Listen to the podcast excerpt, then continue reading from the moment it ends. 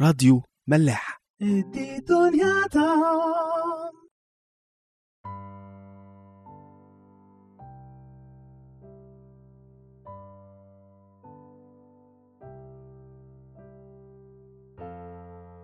مساء الخير واهلا بيكم في حلقة جديدة من برنامج عيش وملح.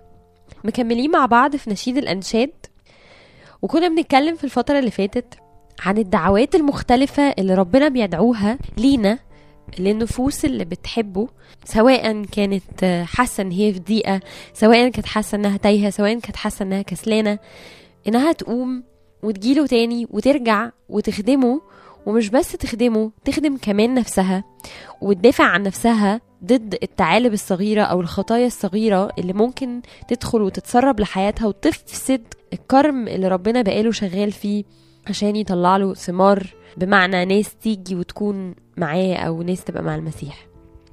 مكملين في آية 16 النهارده. إحنا آخر آية قريناها مع بعض كانت آية 15 اللي هي بتقول خذوا لنا الثعالب الثعالب الصغار المفسدة الكروم لأن كرومنا قد أقعلت.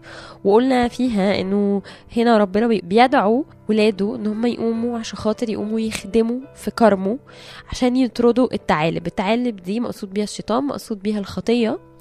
ولو لاحظنا هنا بيتكلم عن الثعالب الصغار المفسدة للكروم. آه، ربنا بيحذرنا زي ما كنت بقول من شوية من الخطايا الصغيرة اللي ممكن تتسرب لحياتنا والشيطان يضحك علينا بيها وشوية شوية تكبر معانا وتتسبب في إن هي تحبطنا من نفسنا وتدخلنا في خطايا أكبر وأكبر وتفضل الخطايا تكبر والوضع يتفاقم في حياتنا لحد ما نلاقي نفسنا انفصلنا عن ربنا خالص. فحتة الثعالب الصغار دي بتحذرنا أو تحذير من ربنا واضح إنه مش بس الثعالب الكبيره لأ في أوقات خطايا صغيرة كده بتدخل وبتبوظ الدنيا خالص. في آية 16 مكتوب آية حلوة قوي مشهورة يمكن كتير مننا يعرفها حبيبي ليا وأنا له. الراعي بين السوسن. بعد ما نده العريس على العروس فترة طويلة وقال لها قومي يا حبيبتي يا جميلتي وتعالي. خلاص الشتاء عدى وكل حاجة حلوة وقومي واطلعي من الكسل ومن التعب ومن كل حاجة وتعالي وخليكي معايا. حست العروس قد إيه هو بيحبها وقررت إن هي تعلن إن هي مسلمة كل حياتها ليه. قررت تعلن إن هي ملك لحبيبها. حبيبي ليا وأنا له. بس قبل ما تعلن إن أنا له قالت حاجة قالت حبيبي ليا. هي أدركت إن حبيبها ده بتاعها. من فرط الحب ومن فرط وقفته جنبها في الضيق وفي الأزمة وفي الكسل وفي عز وحشتها ووقوعها من فرط إحساسها بمحبته في الوقت ده أعلنت إن هو ليها. ولما حست إن هو ليها هي كمان ردت وقالت وأنا له سلمت حياتها ليه بشكل كامل. ودي الحالة اللي كلنا بنتمنى وعايزين نوصل لها. بولس واحد من الناس اللي وصلت للحالة دي. هنلاقي بولس في الإصحاح السبعة وعشرين في أعمال الرسل آية 23 بيقول كده بيقول لأنه وقف بي هذه الليلة ملاك الإله الذي أنا له والذي أعبده. الإله الذي أنا له. بولس وصل في مرحلة من إحساسه بحب ربنا ليه وبفضله عليه وبنعمه وشغله في حياته جامد قوي إن هو يسلم نفسه لربنا ويقول الذي أنا له. يقول ربنا ده بتاعي وأنا بتاعه. خلاص. مرحلة من التسليم كانت بتخلي بولس في وسط أي أزمة وفي وسط أي مشكلة مش خايف ولا قلقان لأنه حاسس إن هو بتاع ربنا وربنا هيتصرف. ربنا أعلن لينا في أكتر من شكل ومن صورة موضوع إن إحنا بتوعه دول في كذا طريقة. في نشيد الأنشاد وفي حتت كتير شبهنا بالعروسة بتاعته فبيقول لنا إن إحنا العروسة والعروسة بتدينا إحساس بالمحبة اللي فيها نوع من أنواع الشركة الشراكة. فزي أنا وجوزي دلوقتي بحس إن أنا بتاعته وهو بتاعي بس العلاقة بتاعتنا فيها مساواة فيها روح شركة فيها بنعمل كل حاجة مع بعض. ادينا برضو تشبيه تاني في حتت كتيرة قوي من الإنجيل زي في الإصحاح الثامن من رسالة روميا آية 15 إذ لم تأخذوا روح العبودية أيضا للخوف بل أخذتم روح التبني الذي بها نصرخ يا أبا الآب. فتشبيه الأب والابن أنتوا بتوعي أنتوا ولادي.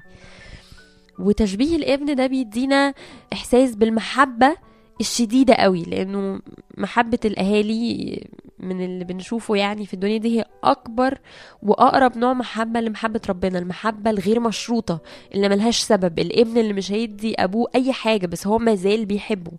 فنوع المحبة دي أو نوع العلاقة أو التشبيه ده بيورينا إن إحنا بننتمي ليه بطريقة مختلفة. في تشبيه تالت إنه ربنا شبه علاقته بينا بعلاقة الراعي والخراف. صحيح الخراف دي مش حاجة حلوة قوي إن إحنا نتشبه بيها لأن الخراف دي في الأول وفي الآخر حيوانات مغيبة ما لهاش أي رأي ولا ولا فايدة. لكن لو خدنا من التشبيه ده حاجة فهناخد إنه ربنا عايزنا نسلمه مخنا. يعني نحط مخه قدامنا ونقول لا إحنا غبي أنا ما بفهمش يا رب. أنا بحط قدامك كل حاجة أنا مش بفهم. أنت قود. فربنا عايز يقول أنت بتاعي. أنا هقود حياتك بشكل كامل. سيب نفسك ليا. فاعلان ربنا إن إحنا بتوعه في حياتنا جه في أشكال وصور كتير قوي.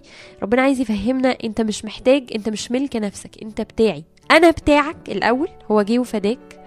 عشان يوريك قد إيه هو بيحبك ويقولك أنا بتاعك وبالتالي أنا عايزك أنت كمان تبقى بتاعي. وتسلم لي حياتك بالكامل.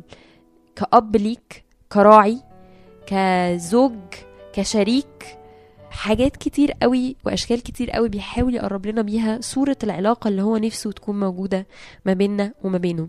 في راجل بسيط كده قريت عنه يعني كان بيحب ربنا قوي وعلاقته بيه حلوة قوي. بيقولوا له بتعمل إيه لما تحس إن الخطية ابتدت تتسلل كده في حياتك وتتسحب تتسحب زي الثعالب الصغيرة كده؟ تعمل إيه عشان خاطر آه، تحافظ على نفسك من من الهلاك؟